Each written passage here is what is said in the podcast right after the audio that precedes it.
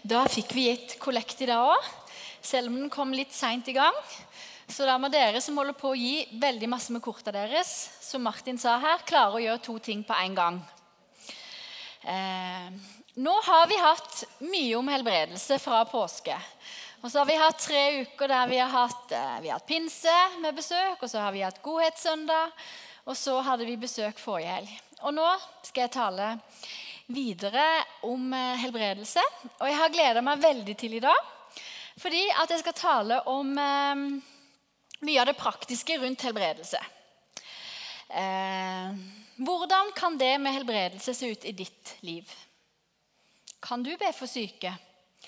Eh, hvordan kan du gjøre det? Eh, om du ikke tør, eller til og med lurer på om Gud kan helbrede, hva i all verden gjør du da? Eh, litt av det skal jeg prøve å svare på i kveld. Og så har jeg lyst til å slå fast at eh, Bønn for syke handler ikke om orda du ber, eh, men faktisk det at du våger deg utpå å be. Det er Gud som virker, og det viktigste for deg er å tørre å hive deg utpå og være med og be. Det første punktet i talen har jeg kalt eh, en naturlig del av vår hverdag. Så har jeg tatt et stort spørsmålstegn. Jeg skulle hatt det opp her, men det, jeg kom ikke så langt. Eh, helbredelse ved bønn er normalt, og det er fullstendig naturlig. Og Jeg skal ikke gå inn på å legge ut bibelvers på det eller argumentere for det, for det er det mange som har gjort før meg, rett etter påske. Og hvis du har lyst til å få tak i det, så må du gå inn og se på talene som har vært tidligere.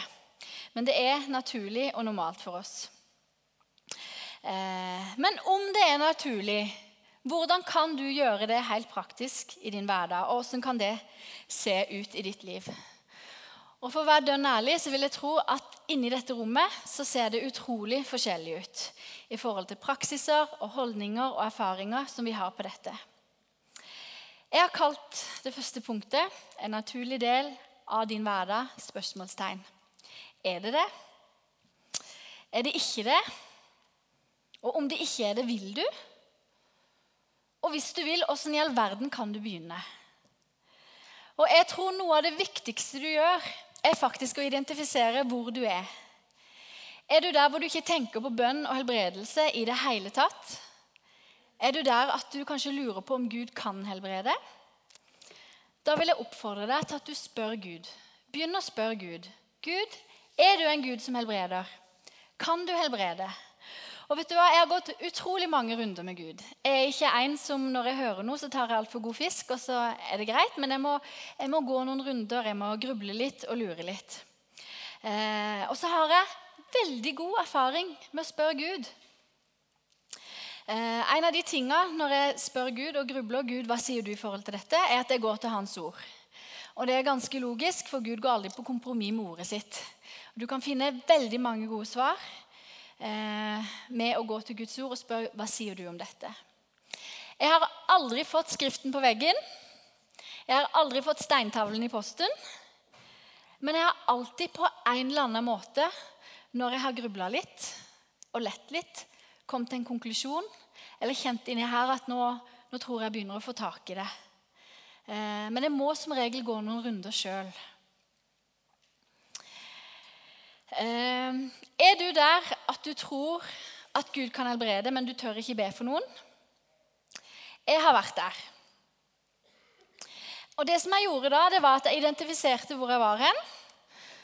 Eh, jeg er der at jeg tør ikke be for noen. Og så identifiserte jeg hvor jeg ville hen. Og så kom jeg til at jeg må finne det neste skrittet, som er litt utfordrende, men som er litt trygt allikevel. Og det som jeg kom fram til for mitt liv, da, det var at eh, jeg, to, jeg var der at jeg torde å be inni meg når noen var syke. Eh, og så skulle jeg ønske jeg var der at når jeg så noen syke noen, hvor enn var i verden, så kunne jeg gå hen til dem og si du, Gud kan helbrede, skal jeg be for deg. Det var dit jeg ønska. Og så fant jeg ut at første skrittet for meg, det var å kanskje si til noen da at eh, jeg skal be for deg når jeg kommer hjem. Eh, jeg ser at du er syk. Eh, jeg vil være med og be for deg. Og så Etter hvert som det ble trygt, eh, så begynte vi å komme inn i SMS-verdenen. da. Jeg har levd før mobilene og før vi sendte SMS-et, faktisk. Så etter hvert så kom jeg inn i den verdenen, og da kunne jeg for sende en melding da, at 'Jeg ber for deg, da'.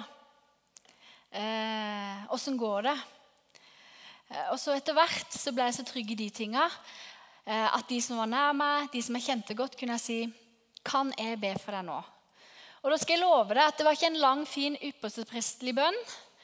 Men det var en ganske kjapp bønn, og så kom jeg meg fort vekk derfra etterpå. Men jeg Tore eh, Nå har jeg mye mer frimodighet til å be for syke. Eh, og når jeg er i settinger som dette, eller når det er med folk jeg er trygg på og kjenner, så har jeg ingen problem med å be. Eller hvis noen spør Gry, kan du be for meg? Da ber jeg frimodig. Men så kjenner jeg da at jeg ikke er helt fornøyd med det. At jeg har lyst til å komme lenger i det å be for syke. Og Jeg skulle ønske jeg kunne komme dit at jeg torde å tilby alle som var syke, eh, forbønn. Og hvorfor det? Det er ikke fordi at jeg skal være så inderlig flink og at jeg skal alltid pushe meg sjøl og jeg skal alltid vokse i et eller annet. Men det er én en eneste grunn. Og det er at jeg ønsker så vanvittig og det ligger så dypt i magen min at jeg ønsker at alle i denne byen skal få lov å se at gode, nei, gode Gud. Gud er god. Eh, jeg har så inderlig lyst at flere enn de jeg kjenner, flere enn oss her inne, flere enn de jeg er i kontakt med, skal få lov å se at Gud er god. Og at Gud kan helbrede. Og at han er en Gud som er ekte, og som lever, og som møter oss i dag. Og da må jeg nødt til å tørre å strekke meg litt på det, sånn at byen vår kan få lov å se det. Så hvor er du i forhold til å be for syke? Hva kan være neste skritt for deg, som er litt utfordrende, men som samtidig er overkommelig? Tenk litt på det. Og kanskje for mange så vil faktisk det første skrittet bli å sette det litt på agendaen og huske å be og huske å spørre Gud litt om det. Jeg har lyst til å gi litt praktiske måter om hvordan du kan be når du kommer til det skrittet at du tør å be for syke. Og vet du hva? Det er ikke så veldig mange gale måter. eller så veldig mange, Det er mange riktige måter å gjøre det på, men du kan ikke gjøre så veldig mye feil. Men i hvert fall, jeg syns det er veldig greit når jeg blir utfordra på noe, og når jeg skal begynne å gå i noe som er nytt, at jeg får en sånn idé om hvordan jeg kan gjøre det. Sånn at jeg i hvert fall har litt sånn peiling på framgangsmåten. Og Det er derfor jeg gir dere en sånn enkel greie eh, på å gjøre det. Og mange av dere lever etter det og bruker den måten som jeg nå sier. Eh, i det daglige. Men det første jeg gjør, det er alltid å spørre. Eh, spør den jeg skal be for, hva jeg skal be for. Og, og, Noen ganger er det helt opplagt, for en har vært i en samtale, eller de går med gips på beinet. Eller, ikke sant? Men spør hva du skal be for.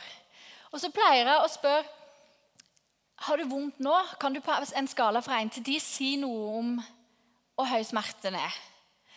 Eh, og Det er jo ikke alltid en kan, men hvis det er mulig. Og så ber jeg. Du kan f.eks. si Gud, takk for at du kan helbrede. Kom og helbred XXX sin fot nå. Enkelt og greit. Og så pleier jeg å spørre merker du noe forskjell. Merker du noe? Og da kan det være at de kjenner at eh, smerten går vekk. De kan, de kan, merke at de kjenner et gudsnærvær. Men jeg, jeg våger i hvert fall å spørre det spørsmålet. Og av og til så sier de jeg kjenner sånn og sånn. Og av og til så er det jeg merker ingenting. Og hvis du da tør, så spør om du kan be en gang til. Ok? En enkel fremgangsmåte, og det er godt å ha det litt sånn at sånn kan jeg gjøre det. Så blir det overkommelig. Men hva i all verden, når vi har kommet til at vi tør å be, vi har gått noen steg, endelig tør vi, vi hiver oss ut på Hva gjør vi da når svaret uteblir? Hvordan forholder vi oss til når svaret uteblir? Hva sier vi til den vi ber for? Hvordan forholder vi oss til det sjøl? Jeg har gått mange runder med dette på Gud. Nei, med, på dette med Gud. Eh, og jeg spurte han mye, Gud, hvorfor velger du å helbrede noen, og så er det noen som dør? Hvorfor i all verden er det noen som jeg har bedt for, som ikke kunne få barn, som får barn? Men så er det fortsatt noen som, som ikke fikk barn. Eh, Gud, hvorfor i all verden helbreder du foten til én Og når jeg ber akkurat den samme bønnen for en annen en, så helbreder du ikke foten. Eh, eller Gud, hvorfor i all verden helbreder du ikke han jeg ba for nå, som ikke tror? Og du hadde en gedigen mulighet til å vise at du eksisterer. Eller Gud, hvorfor helbreder du svigerfar momentant for kreft, og så har svigermor fortsatt kreft? Mange av disse spørsmålene har jeg spurt til Gud. Og det som jeg gjør er at jeg er dønn ærlig. Jeg sier til Gud som jeg har det. Jeg kommer til Gud med det jeg lurer på når jeg er frustrert. Og så kommer jeg til Gud. Eh, og jeg har et, eh, et godt eksempel. I vinter så snakka jeg med en, eh, en god venninne som var i en vanskelig situasjon. Eh, hun hadde noe som hun virkelig trengte helbredelse for, som var veldig vanskelig, og som var ganske altoppslukende. Og så satt vi og prata om det her. Eh, og samtidig så var det en gjeng fra menigheten her som var i redding. Og så får vi eh, beskjed hjem at det, det, har vært en herlighetssky i rommet, eller en gullsky. Og så sier hun venninna mi så sier hun det at Gry, jeg kjenner jeg blir litt bitter. Eh, for Gud har tid til å møte opp i redding, så de kan kose seg med en gullsky. Men så komme til meg og hjelpe meg, det hadde han ikke tid til. Og Så fikk vi snakke om det. Eh, og så sier hun at 'jeg vet at Gud er god'. 'Jeg vet at han er trofast'. Og så sier hun 'Gud er alt jeg har'. Samtidig så blir en sårbar og frustrert av og til. Og Så gikk hun til Gud, og så var hun dønn ærlig. Og så sa hun noe som jeg syntes var så bra. for Hun sa at 'jeg vet at jeg ikke trenger å sette opp mot hverandre' med en herlighetssky og at Gud møter folk mektig i redding. Mens jeg, jeg trenger ikke sette det opp mot hverandre. Men sier hun, men Gry, jeg har det så vondt akkurat nå at jeg klarer ikke å gjøre noe annet. Skjønner dere smerten? Men vi trenger ikke sette det opp mot hverandre. Og så snakker vi videre, og så blir konklusjonen hennes at jeg forstår ikke, men jeg vet at Gud er trofast. Han er faktisk alt jeg har inni denne situasjonen. Og så lot hun seg ikke bli bitter. Eh, men hun var ærlig på livet, og hun fant en god måte. Det tror jeg er kjempeviktig.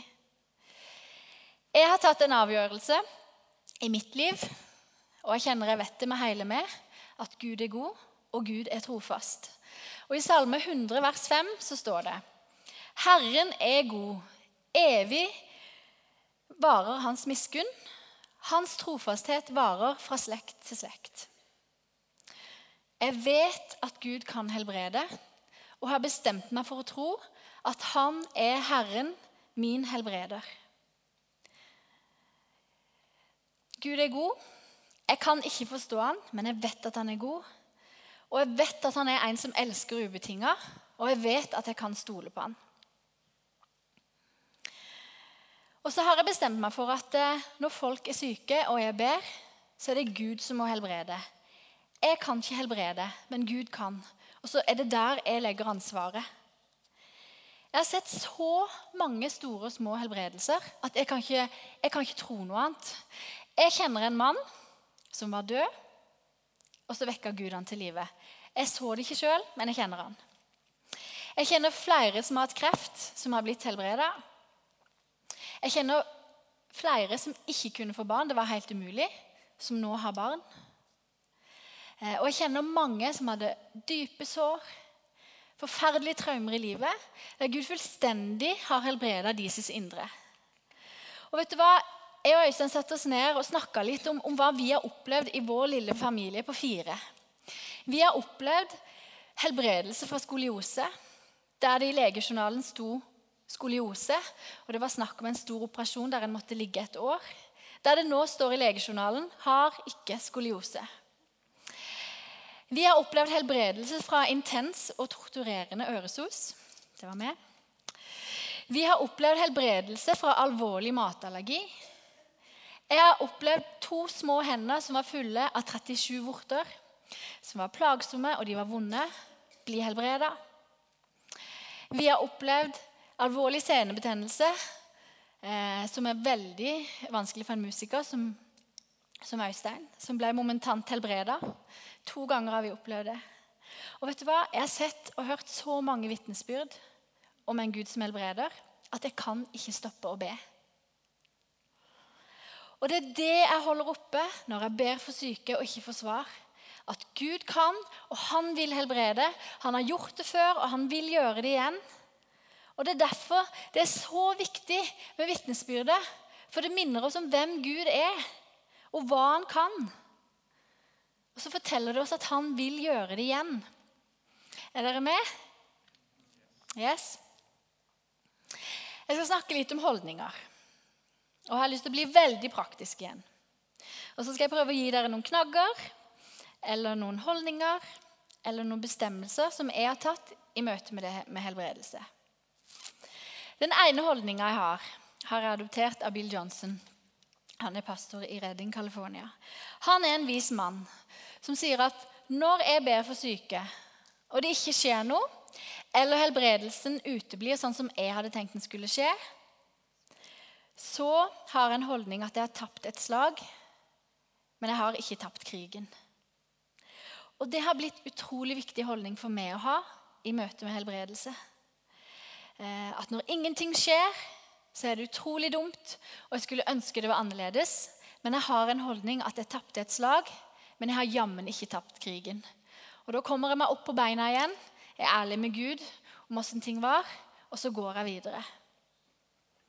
Og vet du hva? Jeg prøver ikke å møte dere med en naiv, lettvint holdning her. Jeg prøver ikke å si det var ikke så farlig å komme igjen. For vi har hatt mye sykdom i familien, og det har vært tøft, og det er sårt, og det er mange ting jeg ikke forstår. Men jeg har bestemt meg for at Gud kan, og har gitt opp retten til å forstå alt. Den har jeg gitt opp for lenge siden. En annen holdning i forhold til å be for syke som jeg har, er at om jeg ber og ingenting skjer, så gir jeg aldri Gud skylda. Og gir ikke meg sjøl skylda, og gir heller ikke den jeg ba for skylda. Eh, men jeg går til Gud, og så sier jeg, 'Gud, hjelp.' Jeg fatter ikke, du hadde en kjempemulighet, men jeg gir ingen skylda. En tredje holdning er at det er knallviktig å huske viktigheten av feiring. Og som Jeg sa tidligere i dag, jeg, jeg har utrolig mange vitnesbyrd om helbredelse. Og jeg har hørt veldig mange vitnesbyrd. Og det er så viktig å feire når Gud griper inn. For at når vi feirer, så gir vi Gud ære. Vi minner hverandre på hvem han er, og hva han kan, og at han kan gjøre det igjen. Og det Vitnesbyrdet er en invitasjon til å bli med på det Gud gjør.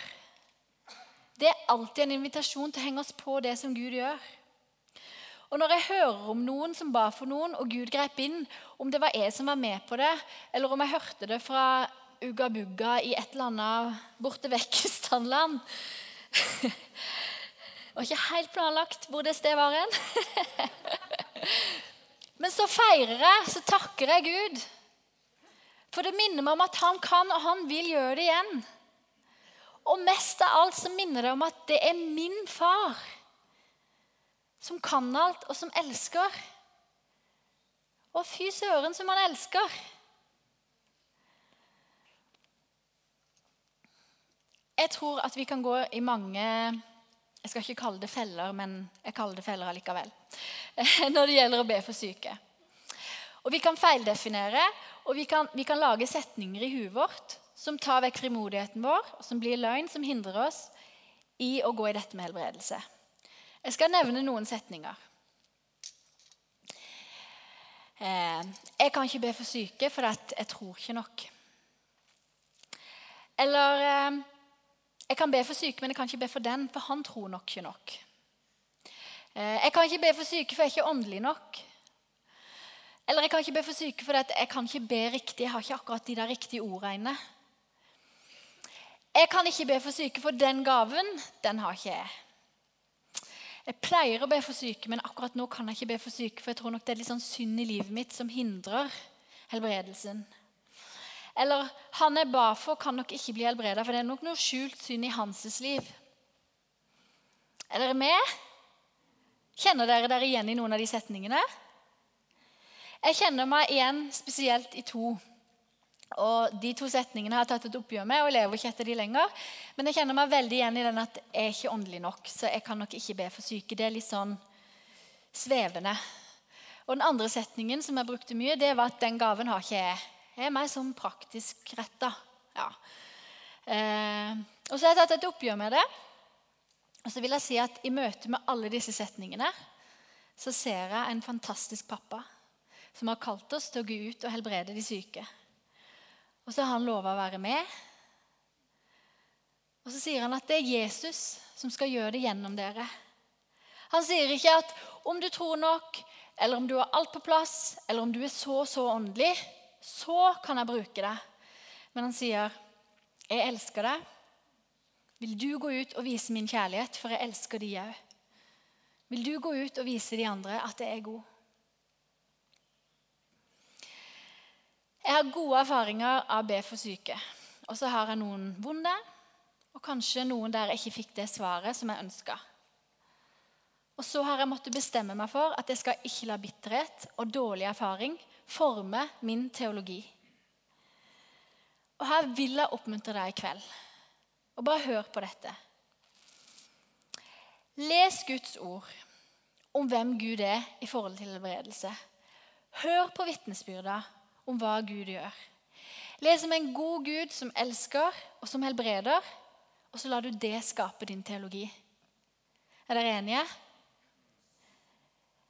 Ikke la bitterhet og dårlig erfaring skape teologien, men la vitnesbyrdet om hvem Gud er, gjennom Hans ord og gjennom mennesker, skape teologien på hvem Gud er i forhold til helbredelse. Jeg tror det er kanonviktig. Jeg skal gå inn for landing. Jeg har talt om det praktiske rundt helbredelse. Og det som kan utfordre oss i møte med det. Og jeg har så lyst at vi her inne skal få lov å se at Gud er en vanvittig god Gud som elsker. Og så lengter han etter å vise sin kjærlighet til oss, men òg til andre. Og en av de måtene han gjør det på, er at han i dag og har til alle tider. Helbreda de som var syke, og de som var plaga, og de som hadde det vondt. Og så er vi Guds utstrakte hånd, og så kaller han oss til å leve i det. Og så er vi satt i denne byen for å vise at Gud er god. Og så er vi skapt til å leve i et fellesskap der vi ber for hverandre og mottar forbund når vi trenger det sjøl.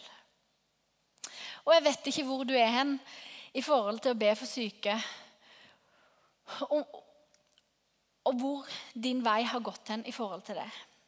Men jeg har lyst til å utfordre deg i dag til å bestemme deg for at du vil være med. Og En av de tingene du praktisk kan gjøre, er at du kan identifisere hvor du er. Du kan identifisere at det her har ikke vært på radaren min i det hele tatt. Men jeg vil begynne å spørre Gud. Eller så kan du si at det, det her har jeg holdt på med i mange mange år, men jeg vil faktisk videre. Vi alle, kan, vi alle kan komme videre i dette. Eh, jeg tror det er kjempeviktig at du identifiserer hva som blir det neste skrittet for deg. Eh, jeg har lyst til å be for dere, og så har jeg lyst til å sende dere ut til å vise Guds godhet og til å gå mer frimodig i disse tinga. Og Før jeg gjør det, så har jeg lyst til å si en ting. at Guds ord er kanontydelig på at vi er alle frelst av nåde. Vi er alle frelst av nåde, og det er ikke med gjerninger, sånn at vi ikke skal rose oss av det. Og, og, og, her er identiteten vår at vi er frelst. Det er ikke noe vi kan gjøre fra eller til for å bli superkristne her. Vi er frelst fordi at Jesus kom og døde for oss. Eh, og Da finnes det ikke A-kristne eller B-kristne eller superkristne. Vi er alle her. At vi hviler i nåden. Vi hviler i at Gud har elsket oss, at vi er hans barn, og at han har frelst oss. Og Samtidig så sier Jesus når vi har tatt imot han, at eh, jeg ønsker at dere skal vise at jeg er god. Han utfordrer oss som kristne til å gå etter han og gjøre de gjerningene han gjorde. Ikke fordi at vi skal streve for å bli gode nok, for vi er gode nok. Ikke fordi at vi skal streve for å bevise et eller annet. For når vi tok imot Jesus, så er vi alle, vi er alle likestilt. Vi er hans barn. Det er ikke noe vi kan gjøre med, med det i det hele tatt. Men Jesus kaller oss til å gå og gjøre de gjerningene han gjorde. For at han ønsker så inderlig at folk skal få se hvem han er.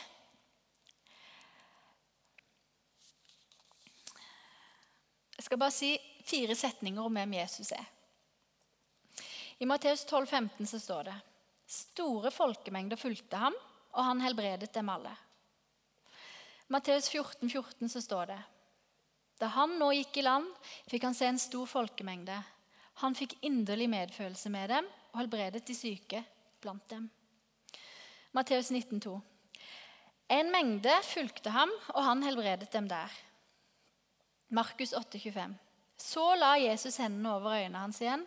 Da klarnet synet. Han var helbredet og kunne se tydelig. Dette var en stor del av Jesus sin hverdag. Og han kaller meg og deg til å leve i det.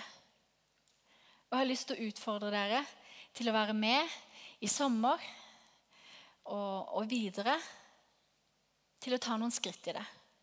Og jeg har lyst til at eh, De som har lyst til å gå i dette og være med i dette, har jeg lyst til at dere skal reise dere. Og så har jeg lyst til å be om at Gud bare skal sende dere ut, og at dere skal få lov å vokse det skrittet som dere trenger å gå. Om det er i forhold til om du lurer på om Gud kan, eller om det er i forhold til at du vet han kan, men du vil lenger. Så dere som vil, kan få lov å reise dere.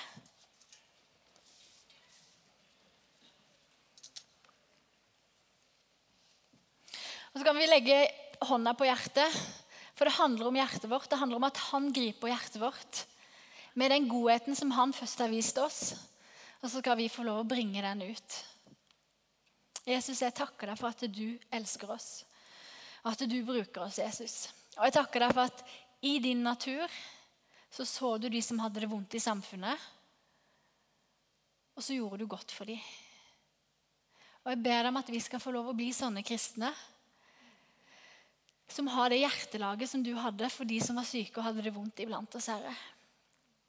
Og så takker jeg deg, Jesus, for at du sender oss ikke alene. Men den samme kraft som reiste deg opp fra døde, bor i oss. Og det er med den kraften du sender oss ut til å helbrede de syke og til å spre din godhet, Jesus. Og Jeg takker deg for at du sender oss, og du skal gjøre det. Og jeg ber deg for hver enkelt som står her inne, Herre, enten de har mye erfaring eller liten erfaring, at du nå bare skal gripe hjertet deres, Herre. At du bare skal sende dem ut med en ny inspirasjon, med en ny giv, med en ny eh, kraft, Herre. Til å spre din godhet i denne byen og i dette landet og ut, Herre. Takk for at du alle, takk for at du har gitt oss alle gaven til å helbrede. Og takk for at vi alle skal få lov å gå i det sånn som vi er skapt, Herre. Takk for at du har gjort det lett for oss eh, å følge etter deg, Herre. Så takker jeg deg for at du elsker, og vi er dine barn. Og det har ikke noe med å være flinke, men det har noe med å vokse og bli mer og mer lik deg, Jesus. Og vise denne verden at du er god. I ditt navn jeg ber, Jesus. Amen.